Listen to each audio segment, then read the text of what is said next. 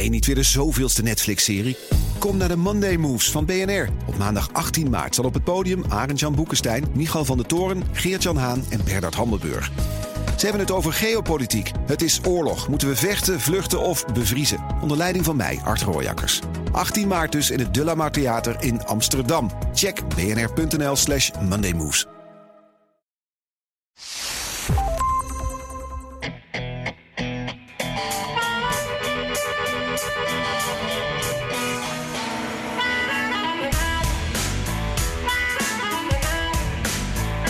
Deze 4th of July begon zo vrolijk met optochten, het voordragen van de onafhankelijkheidsverklaring en het opstoken van de barbecues. Maar Amerika's verjaardagsfeest werd verstoord door een Amerikaanse plaag. It is devastating that a celebration of America was ripped apart by our uniquely American plague. A day dedicated to freedom has put into stark relief the one freedom we as a nation refuse to uphold the freedom of our fellow citizens to live without the daily fear of gun violence. Zo omschreef de gouverneur van Illinois Independence Day 2022. Krachtige woorden waarbij die van Biden eigenlijk wat schil afstaken. Amerikanen door het hele land keken ondertussen even extra over de schouder tijdens het traditionele vuurwerk. Dit is aflevering 135 van de Amerika-podcast. Ik ben Jan Posma vanuit de Swamp van Washington, waar je bij elke ademhaling bijna een lepel nodig hebt, zo vochtig is het. De airco staat aan en de sterke koffie staat klaar. Dat helpt. En mijn naam is Bernard Hammelburg vanuit de Nederlandse BNR-studio. Helemaal geen airco nodig, helaas. Want het is hier koel, dus ik zit gewoon met een jasje aan in de studio. Uh, een jasje. Een, jasje. Ik, ik, heb hier de ramen dicht gedaan. Zo, Ja. zo heet is het Ja, buiten. ja, ja, ja. Nou, het was, was, maar we- bij ons wordt het steeds beloofd, maar het komt maar niet. Eh, ja. ja. eh, en, en natuurlijk koffie. Ja, hey, die staat er wel. Lekkere warme koffie. Ja, heerlijk. Die heb je net nog even snel gehaald, toch? Ja. Ja, hey, en, eh, en hoe was jouw week eh, verder, Bernard? Want we hebben hier natuurlijk de 4th of July gehad. Dus eh, iedereen was een dag vrij. We hebben een wat kortere week. maar er was ook dat drama. Hoe, hoe heb jij dat allemaal vanuit Nederland Ja, gevolgd? ja, nou zo goed en kwaad als het ging. Maar je weet, we hebben, ik geloof, ooit via een, een, een hele handige luisteraar een tip gekregen voor een. Een, eh, een link, een website. En die, eh, als je daarop klikt, dan kun je alle Amerikaanse stations en alle Fox zien en CNN en MSNBC en ABC. ABC. En die, die, ik heb daar dus voortdurend op heen en weer zitten zeppen. Dat Die, die, die website heet overigens Planet. Planet nog iets, Planet Net of zoiets. Maar de- ik kan het iedereen aanbevelen. Kost niks. Je kunt er zo op en je kunt zo al die stations bekijken. Dus daar heb ik gekeken toen ik hoorde wat er aan de hand was. Daarvoor, Ja. niet, daarvoor niet, omdat het... Ja, het is altijd een beetje wat je ook beschreef... een standaardfeestje met een barbecue en families bij elkaar... en, en in het algemeen een vrolijke boel. Maar toen ik dit hoorde, dacht ik, boem, dat moet ik zien.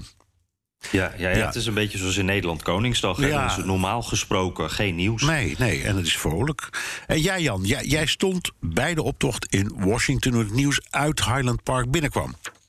Ja, dat was wel een, eh, een gekke situatie. Want het eh, was in eh, Washington heel vrolijk. Eigenlijk precies wat je je voorstelt... met van die grote ballonnen van Amerikaanse vlaggen... en praalwagens, kinderen die, die kunstjes deden. Ja, allerlei... Wat me ook opviel, vond ik mooi om te zien... heel veel verschillende groepen uit die Amerikaanse eh, maatschappij. En dat zijn dan met name ook de immigranten eh, die, die een grote rol spelen. Die willen laten zien dat zij er hiermee bezig zijn. Dat ze ook trots zijn om Amerikaans te zijn. Dus je zag eh, de Sikhs, weet je wel, die man, mensen met tulbanden op.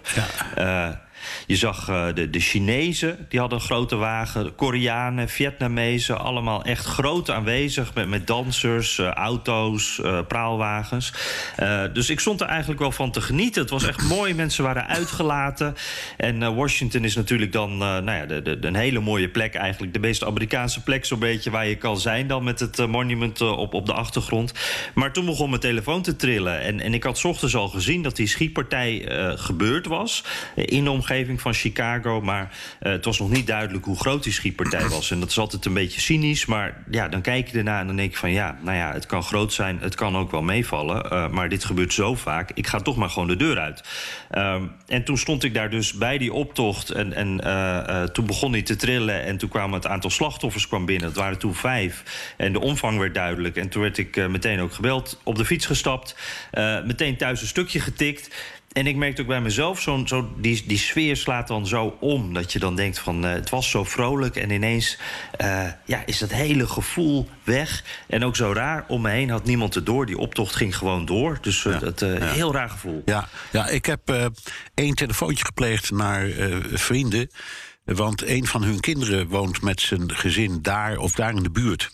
Dus ik ah. wou even weten of die allemaal in orde waren. En toen zei die, die vriend van mij: Geen zorgen, joh, ze zijn met vakantie in Florida.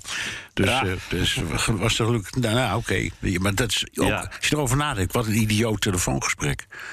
Ja, toch? Ja. Nou, En, en wat ik ook wel, de, de, wat dat ook wel weer goed aangeeft, want dat merk ik ook als, als er in Europa iets gebeurt, dan zeggen die Amerikanen ook van oeh, uh, je bent vast bang dat er iets met je familie is gebeurd. En dan is het in Frankrijk gebeurd of wat dan ook. Ja. Uh, en, en, dat geldt andersom dus ook een beetje. Wij, wij denken dan ook van wacht even, dit is in de buurt van. En dan blijkt het toch, ja, nee, het lijkt allemaal wat anders te liggen. Hey, hoe was het bij het, uh, bij het vuurwerk?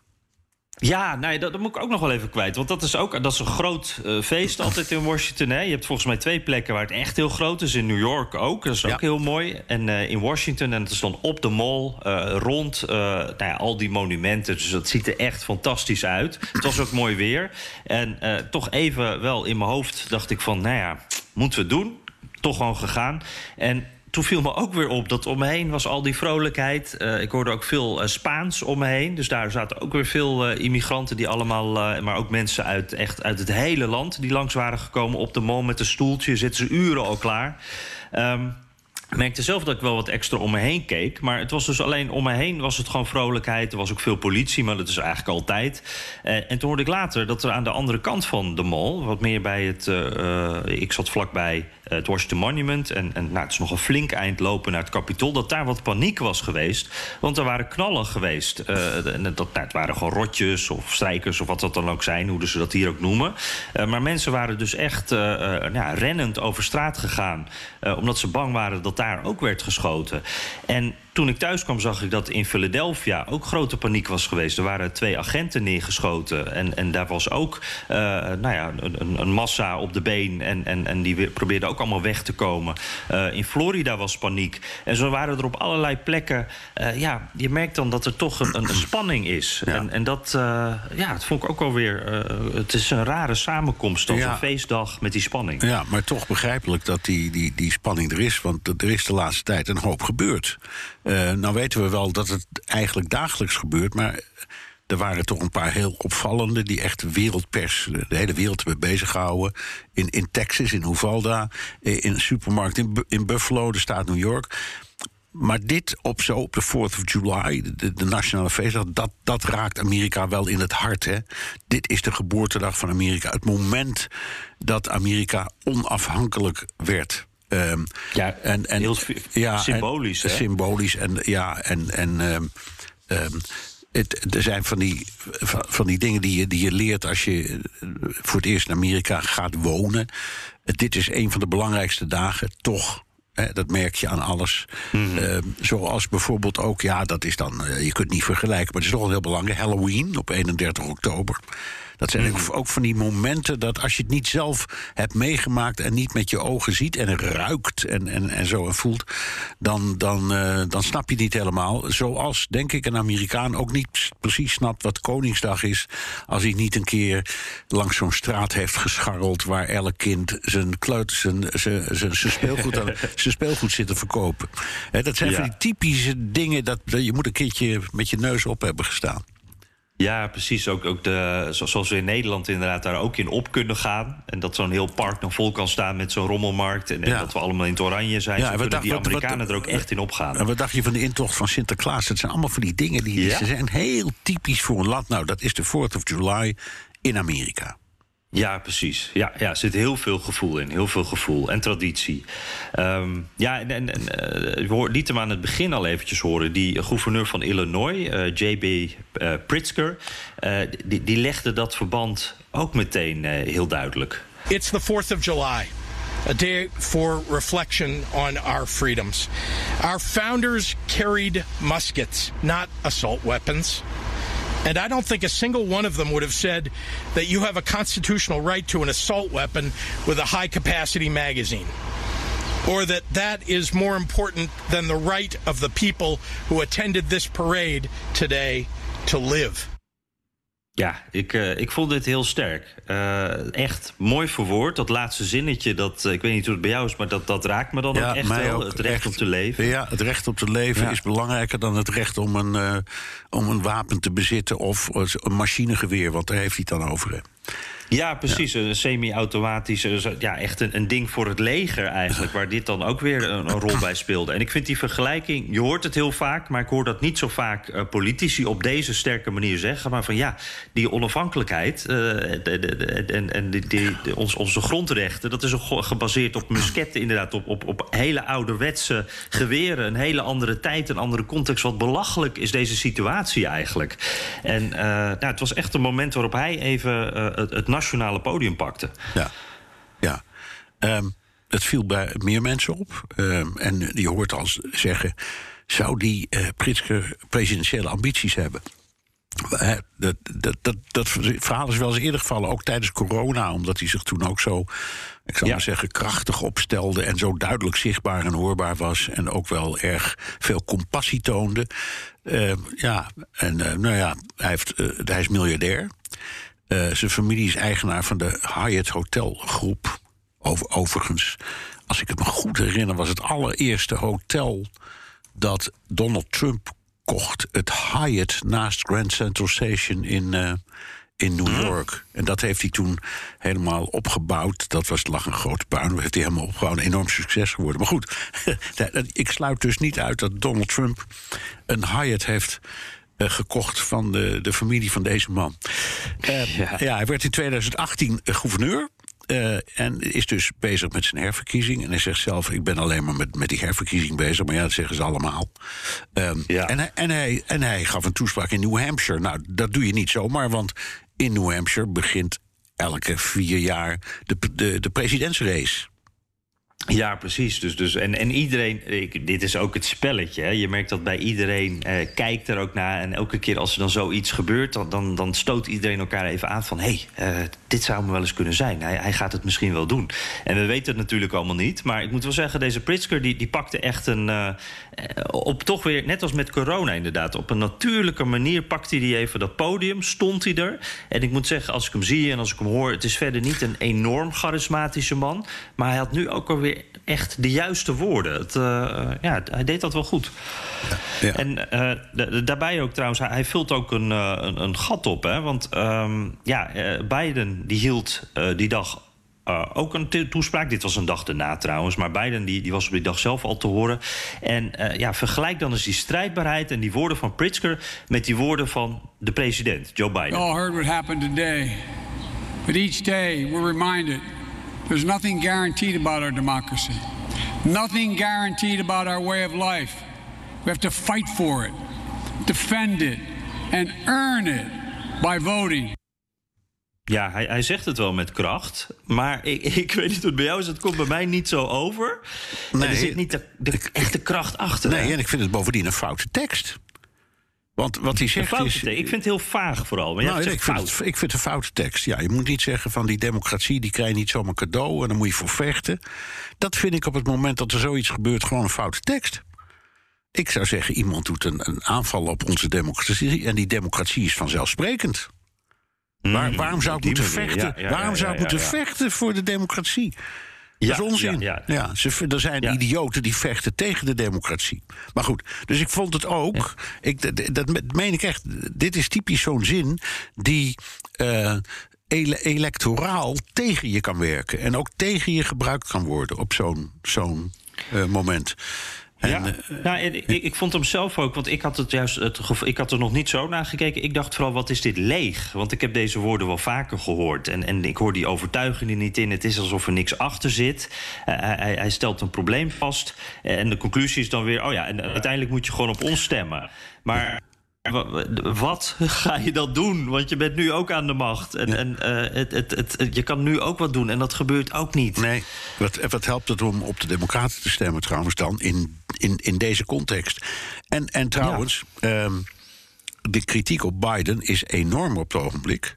Um, en ook over die abortuskwestie, dus de, de, de stemming in het Hoge Rechtshof. Daar klagen de Democraten. Wat doet Biden? CNN had een vernietigend stuk over de reactie vanuit het Witte Huis op die uitspraak van het Hoge Rechtshof. De Witte Huis-advocaat geloofde niet dat die dag die uitspraak zou komen. Wisten ze niet eens.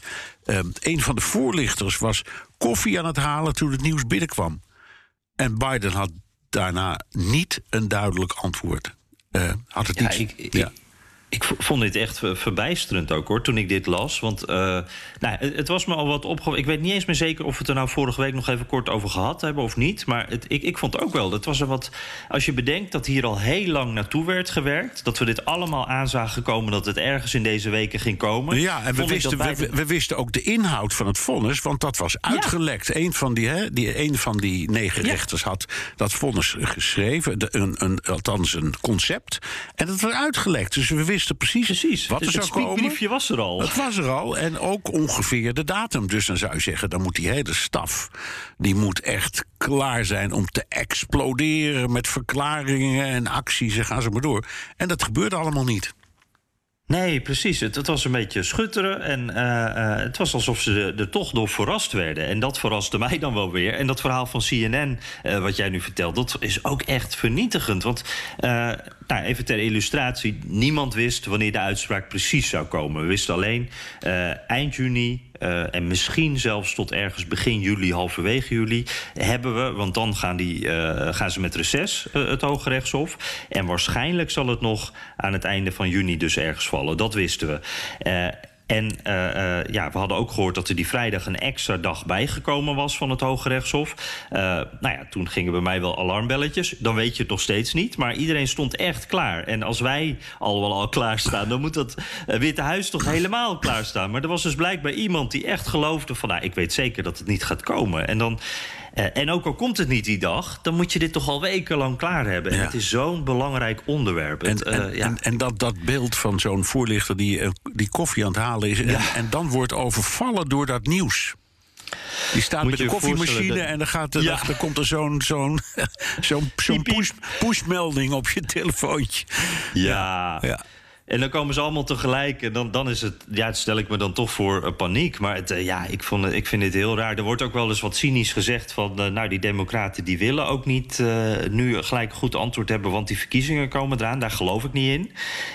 ik denk dat je, je wil het toch staan als je, als je een plan hebt. maar het, het, ja, ze stonden er gewoon niet. En, en ik moet zeggen... Um, de, de, de, de, de, ja, de, de actiegroepen die waren er veel beter op voorbereid. Die stonden wel allemaal klaar. En ik vond ook bepaalde gouverneurs die een verhaal klaar hadden. hadden. Dus het, um, het was echt het Witte Huis. Ja. Ja, en, Wat, uh, even, even, want uh, dat hou je altijd precies na. Hoe staat het uh, met de peilingen? Ja, nou, dat, dat, ik dacht daar, daarop dus van... hier heb ik al een tijdje naar gekeken. Laat ik eens even checken hoe het er nu voor staat. En dan ga ik altijd naar 538. Hè. Die, die maken dat gemiddelde van alle peilingen. Uh, en uh, ja, daar staat Biden nu echt onder Trump. En, en Trump, dat was een, een, een dieptepunt. Die stond echt zijn waarderingscijfer... Maar je bedoelt na, na, na ruim anderhalf jaar hè, hebben we het dan over? Dus die cijfers worden ja, vergelijken. Ja, vergeleken. ja precies. Ja. Op, ze hebben echt een hele mooie, uh, mooi plekje. Daar kun je kijken. Uh, uh, dan kun je de populariteit van de president van nu, Biden, vergelijken met die van eerdere presidenten. En, en waaronder dus ook echt alle, of tenminste die waar peilingen van bekend zijn, dus alle moderne presidenten. En ik pak hem er even bij hoor. En precies op hetzelfde punt zitten we dan. Dan is. Uh, heeft Trump een populariteits- of een waarderingscijfer van 42,2 procent. En Biden zit daar op 38,9. Dus die zit daar nu toch best wel onder. En ja, dat is weer een dalende lijn de laatste tijd. En als je dat ook vergelijkt met andere presidenten, ook die wat. hij is ook minder populair dan Obama op dit punt. Die, die had toen ook wel even een probleempje. nou, George W. Bush, dat is na, na 11 september natuurlijk. Dus dat, dat, daar kan je het niet mee vergelijken. Die was veel populairder, maar minder populair dan Bill Clinton. ja, ja, hij is eigenlijk het minst populair van allemaal. Ja, maar ze gaan allemaal na tussen één en twee jaar gaan ze allemaal door een dal. Dat is normaal. Ja. ja. En dat is ook begrijpelijk, want ja, je kunt je niet meer beroepen op je overwinning, want dat is veel te lang geleden. En de, de, een land heeft in, in elke presidentiële, eh, bij elke president weer zijn nieuwe problemen. Deze president ook, dus dat begrijpen we. Maar zo laag, dat is wel, uh, nou ja, het is, uh, het is verontrustend voor hem tenminste. Misschien zijn ook heel veel mensen heel blij hè, dat dat zo gaat. Laten we eerst ja. ja. Ja. Ja. ja, er zijn eigenlijk twee verder. Je hebt beide die het zo slecht doet. Dan heb je Trump, die doet het ook ongeveer zo slecht. En Jimmy Carter. Ja. Dat, die zijn het. Ja, ja. ja. ja. Jan, um, gaan we nog een beetje uh, de diepte in of zullen we naar de luisteraars vragen? En ik, ik vraag dat omdat er zo verschrikkelijk veel zijn. Ja, zullen we dat gewoon maar doen? Ja, ja laten we ja. naar de luisteraars ja, Ja, Je, kunt, je, even, je kan een vraag aan ons sturen via mail of via de Amerika Podcast WhatsApp. Dan kun je ook een boodschap inspreken. Het nummer is 06 2813 5020. Ja, en uh, ook even een huishoud huishoudelijke mededeling daarbij. Uh, hou alsjeblieft die voiceberichten en ook de andere berichtjes trouwens, zowel via WhatsApp als de e-mail, houd het een beetje beknopt, want dan kunnen we ze wat makkelijker meenemen. Dus kort en beknopt dus, alsjeblieft zeg ik ook namens, want we lezen ze allemaal, maar ja, op een bepaald moment als je een mailtje aan het inkorten bent, dan houdt het ook een keertje op met of de, ja, of de boodschap nog overblijft. Dus doe hem korter, dan weet je ook zeker dat die op jouw manier met jouw specifieke vraag uh, in de uitzending komt. Ja. Dus bij deze. Ja. Uh, ja, en dan beginnen we gelijk met een voorbeeldje daarvan, uh, Bernard. Want we hebben Danielle in Florida. Die hebben we al een paar keer uh, gehad met vragen. Heel erg leuk. zij is, nou, mag ik zeggen, Trumpist in Florida. Ja, een vrouw van, ja. van die is Amerikaans van afkomst. Ge, uh, geboren in Amerika, maar ze heeft ze maar kort gewoond. Is dus nu terug in Amerika, is 32. Uh, en heeft, is, heeft zich gevestigd in Florida. En is uh, overtuigd republikein en Trumpist. En die stuurt regelmatig een vraagje in. Maar, zeg het maar, Jan. ja, want die, die vragen zijn altijd heel lang. En deze keer waren het drie. En zo lang dat we ze eigenlijk niet kunnen laten horen. Daar viel, viel niet meer in te knippen. Dus pak ik er maar even eentje uit. Uh, wel een hele duidelijke vraag. Waarom besteden wij zoveel aandacht aan 6 januari? Terwijl uh, uh, als het gaat om Danielle en haar vrienden... die zijn er helemaal niet zo mee bezig. Dus ze zegt eigenlijk van sommige republikeinen... mijn vriendengroep die vindt het allemaal niet zo belangrijk... en jullie vinden het wel heel belangrijk. Ja. Waarom? Ja, ehm, dat is waar, maar dat, dat komt om... wij zijn journalisten om te beginnen... En dit is een heel belangrijk uh, verhaal in journalistieke zin. Dit gaat over de integriteit van de samenleving, over macht, over uitvoering van de macht, over uh, framing. Uh, over eerlijkheid, over liegen. Er zitten allerlei elementen in die je niet zomaar kunt overslaan. En je zou ook hebben kunnen vragen. Er waren destijds tijdens Watergate ook heel veel mensen die zeiden: waarom zijn die media toch steeds zo bezig met dat Watergate? Er gebeurt echt wel meer in de wereld. En dat was ook zo. De, de oorlog in Vietnam woedde toen nog. Hm. Dus het is gewoon om maar een idee te geven. Dus de vraag is goed. Uh, maar Danielle, als je het niet erg vindt, wij blijven die 6 januari hoorzittingen toch echt volgen hoor. Hm. Ja, en, en ik weet niet hoe dat bij Danielle precies zit... maar ik merk ook wel bij sommige republikeinen die ik spreek... die zeggen ook van ja, er was niet zoveel aan de hand. Het was een soort voetbalrelletje, zeg ik maar even. Of, Ja. of eh, ik sprak gisteren nog mensen die, die wel echt in een wat andere hoek eh, zitten. Dat was weer zo'n eh, Freedom Convoy... wat weer Washington ingereden is met allemaal truckers en zo.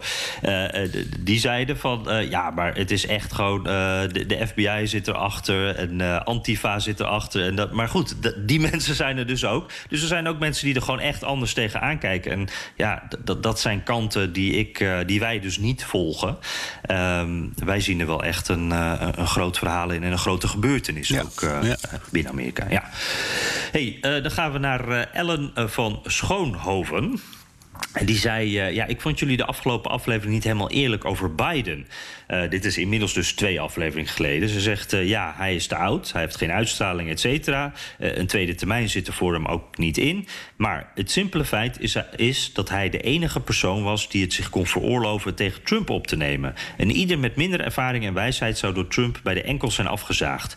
Voor ieder ander onder de 60 zou zijn carrière geruïneerd zijn. Het valt te prijzen dat hij die taak op zich genomen heeft. Waarschijnlijk was hij liever van zijn pensioen gaan genieten. Hmm. Hmm. Ja, maar het zou, het, het zou kunnen. Um, maar eh, misschien is dat waar. Hè? Dat kun je vinden. Ik hoorde altijd verschillende theorieën ja. over. Ik hoor dit ook wel eens, maar ik heb ook wel het idee dat Biden... die wil dit zelf toch ook? Die ja, hij wilde met de, tegenzin dit gaan doen. Nou ja, zijn eigen... Je moet altijd eerst luisteren naar wat mensen zelf zeggen. En hij zei, voor mij was het keerpunt... die eh, vreselijke rassenrel in, wat was het, Charleston, geloof ik. Mm-hmm. Toen die um, de president van Amerika hoorde zeggen... dat uh, allebei de kanten een beetje schuld hadden. En hij zei zelf, dat was het moment dat mij over mijn twijfel heeft heen geholpen. Toen dacht ik, nou moet ik iets doen. Ik moet mijn kandidaat stellen. En ik geloof dat. Ik bedoel, waarom zou hij dat hebben gelogen? Ik denk dat hij dat, dat, dat, dat zal best kunnen. Ieder, ieder mens heeft. Beslissingen zijn altijd het gevolg van gebeurtenissen. En dat is bij hem dus ook. Um, mm. Maar er zit nog een andere kant aan. Er waren een hele hoop kandidaten. En er waren best redelijke bij.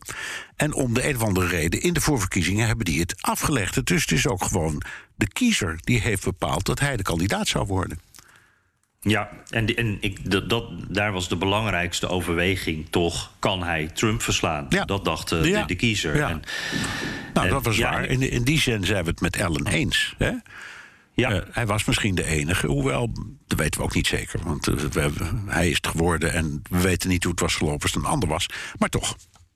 Nee, ik, ik vind dat wel een interessante wat uh, Ellen zegt. Van, uh, iemand met minder ervaring en wijsheid... die zou met, bij de enkels zijn afgezaagd. Dus met andere woorden, beiden kon dit overleven met zijn ervaring. Ik vraag me af of dat waar is. Het is pure speculatie, ik weet dit ook niet. Maar ik denk dan bij mezelf van... ja, die Biden heeft helemaal niet een sterke campagne gevoerd. Corona kwam tussendoor. hij was redelijk onzichtbaar eigenlijk. Heeft het toch gered. Ik denk dat dat vooral iets zegt over ja, hoe mensen... Hoe, hoe toch een net iets groter deel van de Amerikanen klaar was met Trump... en iets anders wilde. Ja. En uh, dat een andere kandidaat dat ook had kunnen doen. Ja, ik denk, ik denk dat uh, corona voor Biden uiteindelijk tot de overwinning heeft geleid. Dat is, uh, de, door corona is Trump, denk ik, gestruikeld. Hm. En ja, nou, denk dat, ik denk, dat denk ik, ja. Ja, en het heeft Biden een beetje geholpen, ook Ja, in het campagne voeren. ja. Uh, Oké, prima. Uh, dank Ellen. Uh, Cliff Menza, die zegt, die luistert op het Westlandse strand. goed weer meegenomen uit Memphis. Zo. Oh, ook zo'n mooie plek. Ja, ja, ja. Volgens mij had hij daar eerder ook al wat over gestuurd. Maar goed. ja. Politiek is leuk en interessant in de VS, maar ik zou ook wat meer van jullie kennis willen ho- horen over de cultuur en geschiedenis. Misschien is een special. Ja, dat, eh, wij proberen ook af en toe er wat meer eh, culturele dingetjes in te stoppen. Hè? Ja. Eh, een filmpje, een, eh, iets anders. Ja. eh, eh, Nou ja, we hadden een tijdje geleden een locatie-uitzending. en hadden, toen hadden we eh, Jeroen Krabbe als gast. Dat was ook het Ja. idee. Laten we eens iemand uitnodigen die iets kan vertellen over... in dit geval de wereld van film en toneel en zo, en kunst. Ehm, maar het is een terecht verwijt. En we zeggen ook vaak tegen elkaar... hebben we niet nog iets leuks cultureels? Maar dan is er zoveel groot nieuws, of zoals nu, zoveel post... ja, dan, dan komen we daar weer niet aan toe. Maar ik trek, Nee, ik, trek, ik trek het me wel aan, deze kritiek. Ja. En, en we kijken er ook naar hoor. We, we zoeken ook alleen, eh, ja, we zijn ook nieuwsmensen. Dus we hebben dan altijd het gevoel van, ah, er moet ook een beetje een aanleiding zijn om het erover te hebben. En dat is er niet altijd, dus vandaar. Eh, maar goed, hij heeft ook een vraag over abortus. Hij zegt een grote winst voor de Republikeinen. Het gaat over het Hoge Rechtshof natuurlijk. Maar is dit ook een winst voor de achterban? Uiteraard voor de christelijke conservatieven wel. Maar hoe zit het met de doorsnee Republikein? Eh, het wordt juist eh, voor hen moeilijk gemaakt. De effecten zijn juist in hun rode staten te zien. De Democraten hebben er minder last van. Trump had bijvoorbeeld veel steun van blanke vrouwen. Is wel meer bekend over hoe, over hoe zij tegenover deze beslissing staan. Ja, dat is. Er is Interessant? Ja, maar ik, wat ik, ik las eh, in een van de kranten. een heel interessant artikel over wat er gebeurt in de voorsteden. Mhm. En dan praat je heel veel over witte vrouwen. Hè? Dat is gewoon een heel belangrijk bestanddeel. En die waren bij uh, de verkiezingen, die, toen Trump werd gekozen, hebben die een belangrijke rol gespeeld in de ondersteuning van hem. En die zijn bij de vorige verkiezingen uh, massaal gegaan voor Joe Biden. Maar die zijn nu allemaal aan het terugkeren naar de Republikeinse kant. En dat, heeft, en dat heeft te maken met uh, de kritiek die ze hebben op Biden. Ik weet niet of ze Trump omarmen. Maar het, het is, het, je praat over miljoenen mensen die aan het kenteren zijn. Dus ja, het antwoord is, naar mijn idee, uh, het, dat effect is er wel degelijk. Maar heb jij dan het idee dat, ik weet niet of dat er ook eh, bij uitgelegd werd, of, of dit dan dat weer kan veranderen? Of nee. een abortusuitspraak dit weer terug kan nou, het draaien? Nou ja, de, vraag, de vraag is hier, dit gaat dan over, over de, de, de, de rol van godsdienst in uh, de politiek. En dat is bij de, bij de Republikeinen een, een hele belangrijke factor. Hè. Vooral de evangelische beweging, dat is gewoon een feit. Mm. En, en ik weet niet of die nou die mensen in die voorsteden zo uh, beïnvloedt. Maar het is wel zo dat de kern van uh, de Republikeinse Partij in zijn huidige vorm is zeer streng religieus. Mm -hmm. Um, ik, van, van Trump weten we dat hij daar zelf niet zoveel mee heeft. Uh, maar wel heel blij altijd is met de omarming die hij van ze krijgt, de omhelzing. En ook het feit dat hij wegkomt met van alles en nog wat. En dat toch die christelijke groep hem blijft steunen. Heel apart is dat. Ja, ja, ja ik, ik moet zeggen, ik, uh, dat is iets waar ik mezelf ook regelmatig aan moet uh, herinneren. Ik, ik was, uh, vorige week was ik een stuk Pennsylvania ingereden, het plattelandsgebied. En daar viel me ook weer op, de mensen die ik sprak, maar ook kleine dingetjes, de t-shirts, de, de, opdrukken op de t-shirts, de bumperstickers, hoe, hoe groot religie daar een rol speelt. En dat geldt voor zoveel gebieden en dat is zo makkelijk te vergeten. Ik vergeet dat ook regelmatig, maar dat is echt echt heel belangrijk. Ja, ja. En dan gaat het allemaal over Jezus en over uh, de kerk en ja. over gered worden. En, en dat is echt een hele sterke, uh, ja, ster, sterk gemeenschapsgevoel ook daar. Absoluut. En dat is in grote delen. Dus, uh, maar goed, interessant. En die suburbs en die vrouwen in de suburbs... die blijven in de gaten houden. Ja, ja dat is een belangrijke factor. Ja. ja, dus dank uh, Cliff. Uh, Adriaan van Breda... Uh, de aanhef is geachte heer Hammelburg. Dus deze is voor jou, Bernard. Oh jee. Uh, ja. Uh, zouden jullie iets willen zeggen over de Israël-lobby in Amerika? Hoe groot is de invloed daarvan volgens jullie op de Amerikaanse politiek... met name op het buitenlands beleid van Amerika? Um, ja, ja, ja. nou, er, zijn, er zijn verschillende. Hè. Je hebt APEC, dat is de, de, de conservatieve uh, groepering, uh, de pro-Israël lobby. Die dus een beetje ja, gericht is op, op zou maar zeggen, Netanyahu-achtige mensen. En dan heb je tegenwoordig ook progressieve organisaties. Die hebben in het algemeen inderdaad veel steun van de politiek in afval veel belangstelling. Het is net als uh, CPAC, waar jij altijd heen gaat. Uh, mm. een, een, een, echte parlementariër kan zich niet veroorloven om niet naar die conferenties te komen. Nee, ik had trouwens, want ik ja. kende wel JPAC. Ja, JPAC. Ja, dat, dat, oh, zo, ja, ja, ik dacht dat, dat je APEC zei. Okay, nee, ja. nee, IPAC is dat, hè? IPAC. En JPAC is, okay. is, is een wat meer, uh, nou ja, je zou kunnen zeggen, wat meer linkse organisatie. Ah, oké. Okay, want je, hebt, je hebt dus ook pro-Israëlische lobby's die zich enorm inzetten, bijvoorbeeld voor een twee-staten-oplossing. Die, die, die, ja. dat, nou, dus uh, hebben die nou echt invloed? Uh, ik, ik, ik, ik, moet denken aan Barry Goldwater, destijds in 1964, die noemde het kapitool door Israël bezet gebied. omdat hij, omdat hij uh, zei: je wordt helemaal gek van de druk waar we onder worden gezet. Uh, naar mijn stellige overtuiging valt dat reusachtig mee. Uh, er zijn in Amerika maar 5,5 of 6 miljoen Joden, ongeveer net zoveel als er moslims zijn. Op 300, wat is het, bijna 50 uh, miljoen mensen is dat niet heel veel. En ja, hmm. ze zijn heel uh, geïnteresseerd, ze zijn heel actief. Um, ze sponsoren veel. Dus ze geven vaak aan uh, politieke doelen. Uh, um, en uh, het is dus een interessante en heel actieve groep, maar echt invloed. Nou, ik betwijfel het zeer. Het, hmm. de, de, de, de, de steun voor Israël, als je het zo wil zeggen, die rust op de, de, de, zeg maar de, de christelijke Amerikaan, de baptist, maar ook de evangelist. Die zijn allemaal daar zit het, het, het geloof dat het, Israël uh, meer is dan een gewoon land heel diep. En zeg je dan ook eigenlijk, die, die lobby is dus eigenlijk een beetje overbodig... want dat sterke gevoel, dat is er toch wel bij die ook zonder, ook, ook, zonder die lobby zou door de evangelicals... maar ook gewoon door de traditionele zuidelijke baptisten... de steun voor Israël sowieso altijd groot zijn. Ja, ah, interessant. Ja. Uh, ja, even kijken. Uh, de, dank Adriaan. Uh, en, oh ja, we hebben ook nog een audiovraag, hè? Ja, van... Antoon Buitenhuis. Komt-ie. Ik vind jullie podcast altijd leuk, omdat jullie zo goed beide kanten van een situatie belichten.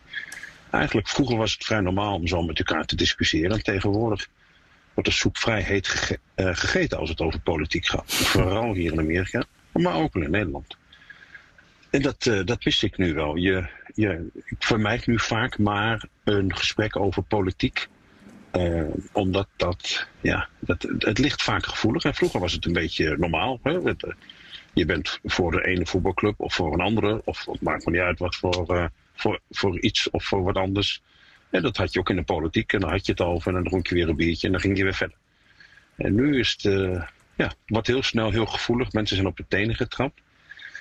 Um, en ik was benieuwd of jullie dat ook vinden. Is dat nu meer dan vroeger? En verwachten jullie dat dat nog erger wordt? Want hoe boos moeten we nog op elkaar worden om uh, het gewoon niet met elkaar eens te zijn? Ja, ja.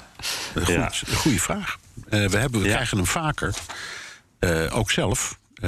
niet alleen van Antoon, maar gewoon in onze eigen kennissenkring, collega's die dat vaak vragen, aan jou ongetwijfeld ook. Van is het nou erger dan het ooit is geweest? Dat vind ik uh, altijd een moeilijk trouwens. Ja. Want ik merk wel dat het nu lastig is. Ik merk het ook in gesprekjes. Dat het soms, je merkt dat mensen er soms echt een beetje zo omheen uh, ja, tiptoeën. Een beetje ja, de, de, ja. liever niet politiek willen maken. Nee, maar goed, uh, maar is het nou er is erger een, geworden? Wat ik nou ja, er is een burgeroorlog geweest. Wat dacht je daarvan? Dat was best wel wat erger. Ja, dat was best wel wat erger. En de, de, ik zeg altijd, ja. er is de strijd geweest tussen Goldwater en Johnson in 1964. Nou, dat, ja. dat, was, ook, dat was ook echt bar en boos. Um, alleen de, de, de, polarisatie is zo voelbaar vanwege de snelheid van de informatie. informatie. En, en daarin spelen de, de sociale media ook een rol. Natuurlijk op, op het moment mm -hmm. dat Biden iets zegt um, wat uh, de Republikeinen niet bevalt, dan, dan, dan ontstaat er meteen een, een, een lawine aan reacties. En andersom. Mm -hmm. En die zijn, en die zijn vaak uh, fel. En dat vind ik wel een probleem. Niet alleen in Amerika, maar de, de toon die wordt, en, de, en de woordkeus, die is zorgelijk. Uh, ja, het escaleert meteen, hè? Het escaleert meteen en het wordt schelden, het wordt dreigen. Um, en dat gebeurt in, in, bijvoorbeeld in de Tweede Kamer ook. Er zijn hele discussies over. Er is van de week nog weer een incident geweest met een, een, een Kamerlid van de PVV. En die werd het woord ontnomen door de voorzitter, omdat hij echt ver ging. Dat soort dingen, nou dat, dat is heel uitzonderlijk. Um, en dat gevoel, dat, ja, dat heb, ik heb dat enorm. Uh, in Amerika wordt het erger en erger en erger. Dus ik ben het met Antoon eens. ik, ik, ik ken iemand die zegt: joh, als je je vrienden of kennissen of relaties spreekt, praat gewoon over het weer. ja, krijg nooit, krijg nooit ruzie. Ja. ja. ja. Hey, en en uh, jij zegt van het is wel terecht ook, het is wel eens erger geweest, natuurlijk, als we het over Amerika specifiek hebben. Uh, maar uh, hoe ver moeten we teruggaan om zeg maar op een vergelijkbaar punt te komen. Ik moet dan een beetje denken aan misschien de, de, de Clinton-impeachment. En toen, toen, was er ook volgens mij heel veel ruzie en, en uh, gedoe onderling. Ja. Uh, is, hoe, hoe, wat, wat denk jij? Ja, de, de, de, de, de haatcampagne van Newt Gingrich... toen de ja. leider van de Republikeinen in de Clinton-tijd tegen de... Uh, tegen de Democraten was werkelijk ongelooflijk hard. Dat heette dan Contract with America.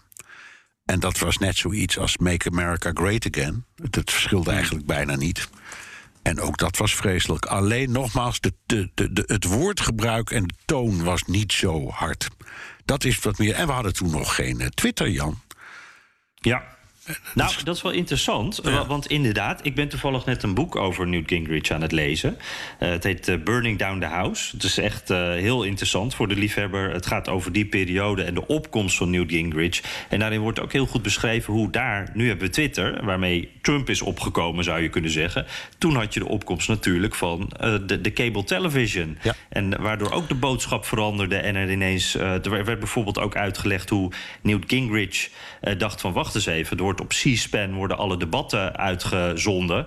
Daar kijkt bijna niemand naar. Maar als ik nou zorg dat ik iets uh, geks roep, dan worden die beelden wel gebruikt in andere nieuwsuitzendingen. En zo uh, gaat het balletje dan rollen. Dus ja, daar was ook zo'n moment en zo'n zo'n nieuw medium.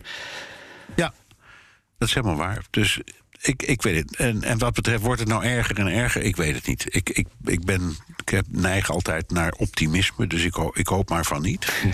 Nee. Ja. nee. En, en uh, ja, ik wil ook dat mijn kleinkinderen een beetje in, in een prettige sfeer uh, hun, hun, volwassenheid bereiken, zal ik maar zeggen. Mm -hmm. uh, maar ik moet er ook eerlijk over zijn. Ik zie de tekenen op het ogenblik niet van het herstel van die polarisatie. Nee, ik ook niet. Het, uh, ik, ik heb meer het gevoel, uh, zonder paniek te willen zijn... maar dat het, het broeit weer. Ja. Het, er is iets aan het opbouwen. En dat wil nou niet meteen zeggen dat er iets vreselijks gaat gebeuren... maar je merkt wel dat, dat de spanning... en de, dat is in Nederland eigenlijk ook zo natuurlijk... Met, met de boeren en alle andere dingen die er spelen. Maar zo merk ik hier ook wel een oplopende spanning. Dus die polarisatie, daar zijn we nog niet vanaf. Nee. Zullen we dan eens even naar uh, wat vrolijkers doorgaan? Jens van Haafden, die heeft het nog even over de aflevering... toen wij even een cultureel uitstapje maakten. Toen hadden we het over The Wire en We Own This City. Uh, twee uh, televisieseries, inderdaad twee pareltjes, zegt Jens. interessant, maar tegelijkertijd een bizar waar gebeurd verhaal. Dat gaat dan met name over die laatste, denk ik. voor de luisteraars die geen HBO hebben... de zender waarop het wordt uitgezonden... kunnen eventueel ook het boek lezen... geschreven door Justin Fenton, We Own This City in het Engels. En in het Nederlands heet dat Deze stad is van ons. Zeker een aanrader. Uh, dank, Jens. Dank, ja. En ja, tip. ik voeg ja. daar nog eentje aan toe. Uh, uh, dat weet Jens al lang, denk ik. Maar Ed Burns en David Simon, dat zijn eigenlijk de makers van The Wire. Uh, die hebben ook een fantastisch boek geschreven samen. Die Ed Burns, dat is een oud politieman en ook een oud leraar. En nou ja, dat, heel veel van zijn ervaring komen terug in The Wire. En zijn boek, of hun boek heet The Corner. A Year in the Life of an Inner City Neighborhood. En daarin, ja, dat is ook een soort uh, ja, uh, papieren versie van The Wire, zeg maar. Dus uh, echt super leuke, interessante, soms deprimerende boeken. Dank voor de tip, Jens. Uh, Jaap van Dijk die zegt, uh, die luistert al naar het prillen, uh, sinds het prillen begin naar ons. geniet van de, de prettig verkondigde actualiteiten. Van, terwijl het toch soms niet zo positief allemaal is, hè Bernard? Nee, dat, dat helaas niet, nee. nee. Ja, ja. Jaap zegt ook in dat o zo grote land... wat eigenlijk niet één enkel land te noemen is. Dat is misschien wel mooi gezegd, inderdaad, in sommige aspecten. hij is benieuwd naar onze mening over het feit dat de Republikeinen... die normaliter juist tegen inmenging van de centrale overheid zijn, in de persoonlijke levenssfeer nu de abortuswetgeving hebben weten te keren. Waar komt deze behoefte voor inmenging vandaan? Ja. Ja, ja, hier hebben we het wel eens eerder, ja, over, eerder gehad, over gehad. Daar verbazen wij ons ook over. Ja, en ik heb ooit, ooit Goldwater in zijn, op zijn oude dag daar nog over geïnterviewd. Die was het daarmee eens. Oh ja. Die zei, ja. die zei ook, ja, eigenlijk is dat helemaal geen republiek. De abortus is iets waar een republikein zich eigenlijk helemaal niet mee wil bemoeien, want dat, dat is je privéleven. En daar gaan we niet over. Maar eh, dat is allemaal gebeurd onder eh, invloed van de uh, evangelische beweging, met wie Ronald Reagan destijds een, een, een soort conctie heeft gesloten. Mm. Vanaf dat moment is dit zo, gaan, zo enorm gaan spelen. daarvoor viel het allemaal wel mee. Uh, en de, de, de deal was toen ook, uh, hij heeft dat toen met Jerry Falwell, dat was een hele beroemde predikant, heeft hij die mm. openlijk een deal geslo gesloten. En de, de, aanbod van Falwell was, als, als wij jouw steun krijgen, dan zorgen wij dat je wint. Want uh, dat kunnen wij. En dat hebben ze ook gedaan. En ze beschouwden zich op dat moment ook als eigenaar van de Republikeinse Partij. Dat hebben ze ook zo gezegd. Uh, en vanaf dat moment is dus het, het, dat republikeinse ja, ik zeg, gedachtegoed van absoluut minimale uh, invloed van de centrale overheid op het leven is verdwenen. In ieder geval op dit ja, punt. Ja, en, daarbij bal, is ja, behalve als het over wapens gaat. Want dan mogen we ons er weer nergens mee bemoeien. Hè? Nee, precies. Ja, ja. En, en, maar uh, het, het, is dus eigenlijk, uh, als het om abortus gaat, zeg, zeggen ze dus eigenlijk van ja, onze christelijke waarden gaan eigenlijk boven ja. deze, deze waarden. Dat, dat de overheid, uh, Amerikaanse waarden. Absoluut, absoluut ja. Met als argument van de abortus is moord en daar zijn we tegen. Ja, ja. En dat, uh, dat is niet altijd zo geweest. Dus uh, interessant, Jaap, dank. hebben we weer een audiovraag van Tim. Mijn vraag ging over uh, 4 juli. Um, als ik aan mijn Amerikaanse vrienden uh, vraag wat zij precies doen op die dag, uh, komen er twee dingen uit: barbecuen en vuurwerk kijken. maar ik ben eigenlijk heel erg benieuwd hoe dit zich heeft ontwikkeld. En of er bepaalde tradities zijn die per staat heel erg verschillen. Of dat eigenlijk de ervaring van 4 juli binnen de Verenigde Staten grotendeels hetzelfde is. Uh, nog het laatste dingetje. In, uh, in augustus ben ik de hele maand in DC. Dus uh, wellicht kan ik Jan nog voor een kopje koffie trakteren. Maar wie weet. Um, nou, veel succes met de podcast. Leuk. Ga, gaat, op, op, je, hebt een, je hebt een kop koffie verdiend, Jan. Mooi. Ja, precies. Op dat punt zou ik zeggen: stuur me even een, uh, misschien via Twitter of via een andere manier even een berichtje. Dan kunnen we even kijken. Hij heeft een goede maand uitgekozen. Dat is lekker warm hier in augustus. Ja, ja, ja. En, en het antwoord is heel simpel: de Force of July wordt ongeveer op dezelfde manier gevierd in elke Amerikaanse staat.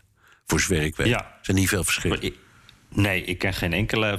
Ik denk, ja, dit is wat jij eerder ook zei. Dit is een van die feesten waarop heel Amerika hetzelfde doet. Ja. En, en uh, je hebt Amerikanen die gaan naar een honkbalwedstrijd. Maar dan wordt er ook uh, vliegen de vliegtuigen over en zijn er allerlei nationale dingen. Ja. En, en uh, de barbecue, het, het, het, ja. Ik, als iemand andere voorbeelden kent van vieringen van de 4th of July gebieden waar ze dat anders doen, Let ja, dan houden we ons aanbevolen. Yeah. Dit is één dingetje trouwens, want we hadden dit jaar wel een beetje een discussie. Hè, dat er uh, met name een beetje in wat democratische kringen waren dus mensen die zeiden van uh, ja, door dat uh, recente abortusbesluit, door nou eigenlijk de discriminatie, het racisme wat in dit land nog steeds bestaat, kan ik deze dag niet zo vieren. Daar was ook meteen heel veel kritiek op. En dan zie je ook hoe, hoe, ja, hoe vast deze traditie in die Amerikaanse maatschappij zit. Maar dat is eigenlijk het enige wat ik een beetje heb gezien... dat mensen daar een beetje over wilden discussiëren. Ja. Daarover willen praten. Of hoe absoluut uh, dat vieren van Amerika moet zijn. Ja, nou, dat begrijp ik. Vond ik wel interessant. Ja, maar ik, ik ben blij dat de meeste mensen zich daar niks van aantrekken... en denken, kom op, een lekker worstje op de barbecue... en een beetje vuurwerk en een biertje erbij, we zijn gelukkig. ja, het is een beetje alsof je op Koningsdag uh, tegen uh, het Koningshuis uh, ja, een discussie of, ja, of, of, of, of, op Koningsdag zegt... joh, er is toch wel heel veel mis in de samenleving. Eigenlijk kunnen we zo'n feestje niet vieren. Ja, Verkeer, verkeerde het is waar, maar... Het is waar, ja, maar het verkeerde moment. Ja. Oké, okay, oké. Okay. Nou, laten we dan uh, naar Jan de Jager gaan. Uh, die, die, zegt, ik stuur nog een beetje laat uh, mijn vijf sterren... voor de avond in Nieuwsport. Die was er gewoon bij. Ja, Heel leuk om daarbij aanwezig te zijn. Ja, ja dus ja. mooi. Uh, en uh, uh, nou, hij, hij, kijkt zelf ook veel films. noemt er ook The Deer Hunter bijvoorbeeld. En andere films waar ook de Amerikaanse identiteit erg in terugkomt. Um, laatste voorbeeldje is Top Gun 2. Die heb ik ook gekeken. Hij zegt spektakel en goed tegen slecht. Is, de is, is hij goed? Is hij zo goed? Want ik ben nog niet geweest. nou, ik, ik, uh, dit is mijn hele. Ik hoor mensen heel enthousiast hierover. Ja, dit is mijn eerlijke oordeel. Ja. Uh, ik vond het begin. Ik weet niet meer of het nou het eerste uur was of zo. Ik zat echt. Uh, de, deed me pijn. Want het was zo. ja, over de top allemaal. Zo uh, Tom Cruise als de held die alles goed doet. Als hij een kroeg binnenkomt, dan valt het zo'n beetje stil. Want hij is zo cool, da daar kan de rest gewoon niet tegenop. Uh, dat vond ik allemaal een beetje suf eigenlijk. En de liefdescènes waren ook... Ik vond het allemaal een beetje suf. Maar toen aan het eind, de, de grote spectaculaire actiescènes... ik zal er verder niks over zeggen, maar dat vond ik echt heel gaaf. En dat was heel mooi gemaakt. En ik las daar ook over later van... nou ja, als ze in die straaljagers zitten, dan ziet het er soms niet zo echt uit. Maar dat komt omdat wij zo gewend zijn aan computeranimaties. Ja. En dit is dus allemaal echt. En als zijn gezicht door de G-kracht wordt vervormd, uh, dan is dat echt. En dat vond ik ook wel heel gaaf. Ja. Dus uh, nou, mijn korte recensie is dat. Okay. okay. maar daar ging de vraag eigenlijk helemaal niet over. Um, ja, ik, uh, nou, laten we gewoon met de eerste beginnen, want dit was een, een lange mail. Uh, nou, ik zie hem hier, joh, dat is niet te geloven. Dat is echt veel te lang hoor, Jan. Ja.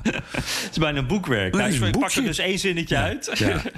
Hij zegt, eh, zo vraag ik mij af waar het Trumpisme nu eigenlijk voor staat. Wat maakt iemand nou echt tot een Trumpist? En dat vond ik wel een interessant. Ja, nou, het is een extreme vorm van populisme, vind ik. Zou je kunnen zeggen Ja, in onze eens. termen.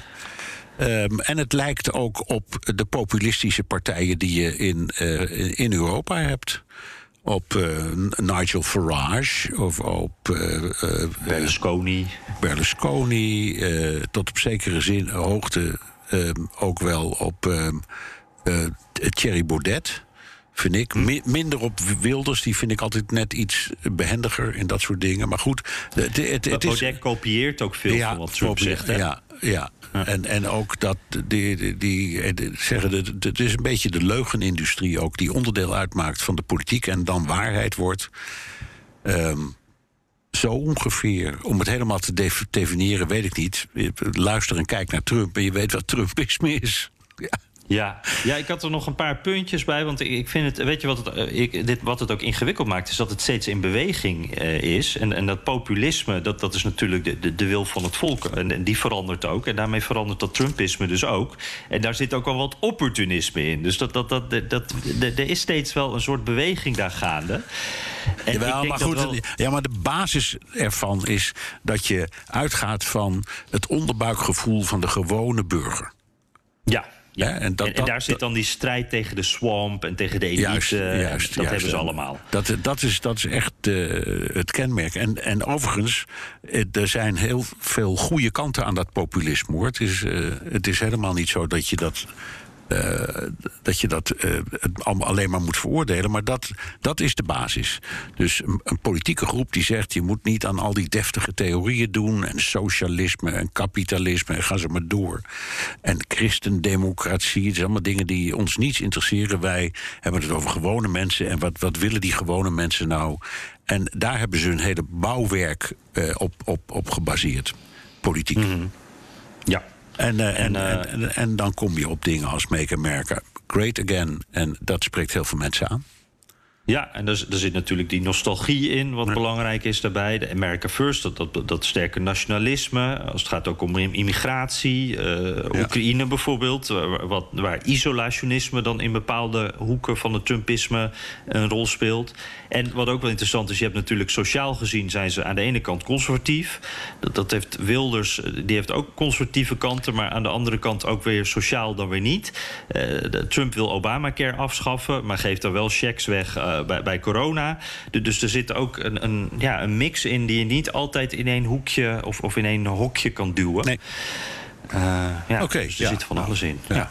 Je- Jeroen Huisens had een, vergelijkbare vraag trouwens. Die hebben we eigenlijk al beantwoord. Die vroeg inderdaad, wat, wat, ja, is dit nou populisme of wat anders? Maar ik denk dat we het daar allebei wel over eens zijn. Dit is populisme. Ja. Ja, eh eens eventjes kijken. Poem, poem, poem. Dennis Ruiter.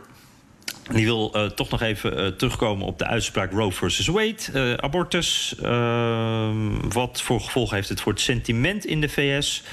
Is dit niet een stap te ver voor Republikeinen? Ja, hebben we eigenlijk ook al een beetje meegenomen. Hè? Ja, en het is ook niet de Republikeinen, het is het Hof, het Hoge Rechtshof dat heeft besloten. Ik weet nog, uit de peilingen blijkt dat de- onder, onder het volk ehm, de steun voor het in stand houden van een federale abortuswet of regel eh, groter is dan de tegenstand. Maar dat, dat Hof ja. is, heeft nu helemaal een bepaalde kleur. En dat is eh, politiek ingegeven bij de keuze van de rechters. Ja. ja. Eh, Jur- Juriaan Hommes die vraagt ja, de vervolging van Trump. Als dat gaat gebeuren. Stel dat eh, Trump inderdaad vervolgd wordt door justitie, zou dat dan niet alleen een enorme impact hebben op de Amerikaanse politieke discussie, maar ook op de algemene vrijheid? Want is het niet zo dat wanneer de DOJ, de Department of Justice, Trump gaat vervolgen, de Trumperians, dat vind ik een mooie Ja, term. Ik ken ja. wel de Trumpers, Ja. maar Trumperians, dit niet accepteren, maar wel de wapens hebben en hier tegen in opstand komen. Nou, het woord viel net al even. Mijn gevoel zegt dat een burgeroorlog niet zo ver weg is. Nee, nee. Nou ja, ehm, weet ik niet. Ik weet gewoon niet wat, wat ik eh, daarop moet zeggen. Ehm, Heeft dat, eh, Bernard, ik, denk- merk ik dat denk- je altijd een beetje terughoudend wordt als die term valt. Heeft dat ermee te maken dat ja, je kan er gewoon niet zoveel mee, Nou, omdat het zo'n grote term is? Dat zijn, ja, het zijn grote termen. En, en dingen als eh, suggereren dat er misschien wel eens oorlog zou kunnen uitbreken. eh, of een burgeroorlog. Of mensen de wapens gaan pakken. Dat ligt mij niet zo. Ik hoop dat het niet zo is. Je moet ook niet je kop in het zand steken, dat weet ik ook wel. Maar om het simpel te houden, als Trump blijkt eh, vervolgbaar te zijn wegens misdrijf, dan is zijn. ehm, eh, zijn, zijn volgelingen zullen nog steeds vinden dat hij het in elk geval politiek bij het juiste eind had. En als Trump om juridische reden niet kan worden herkozen, nou, dan komt er een andere Trumpist. Dan komt meneer DeSantis of wie dan ook. Dus het gedachtegoed gaat daarmee niet verloren. En daarmee zou Trump een soort martelaar kunnen Ja. worden, maar Ja. DeSantis neemt dan het stokje over, bijvoorbeeld. dat zou heel goed kunnen. Ja. Ja, het, eh, het is, ik vind het ook moeilijk hoor. Het, eh, het, het voelt eh, belachelijk om het over burgeroorlog te hebben. Tegelijkertijd, wat we eerder zeiden, er broeit ook wel- weer iets. Of dat voel ik in ieder geval wel zo. Maar ja, je moet er toch voorzichtig mee zijn. En nou ja, dat er iets broeit, wil ook niet zeggen dat er iets gaat gebeuren natuurlijk. Want Nee. dat is ook. nee. Ja, eh, hey, met die disclaimer. eh, volgens mij eh, hebben we het uur bijna volgemaakt. Mijn koffie is op. Nou, Wesley is denk ik, die ligt sowieso ergens onder een, nee, een nou, draai, nee, eh, die, houdt, die zit hier met een brede grijns achter het glas. Gelukkig. En heeft dapper volgehouden. Ja. Heel goed. Ja. Want ik denk dat we toch maar een beetje moeten afronden, toch Bernard? Ja, heb je nog ehm, recensies of andere leuke dingetjes? Nou, ik had niet echt eh, recensies, maar eh, ja, we hebben wel wat anders, Bernard. Ehm, want het is weer zover. Eh, we hebben hier lang naartoe geleefd. We mogen weer een Amerika-podcast boek uitreiken. ja, en die gaat naar Maarten Pelgrim.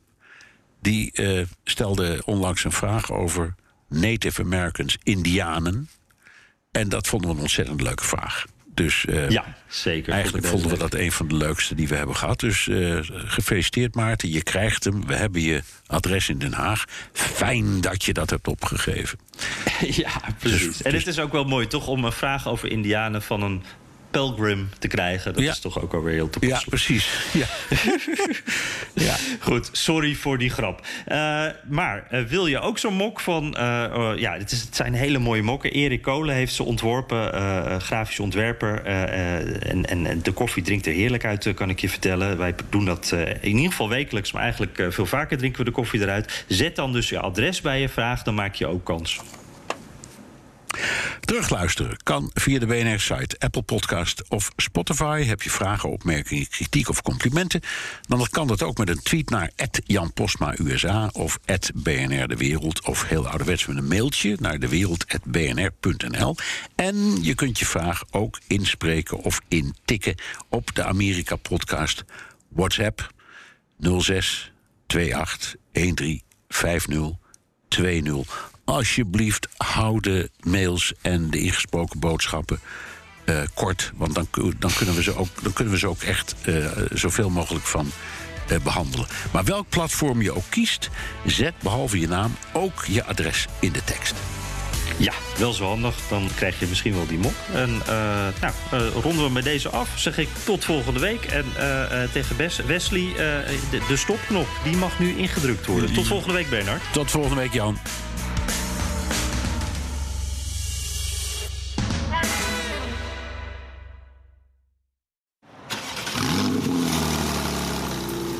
De toekomst roept.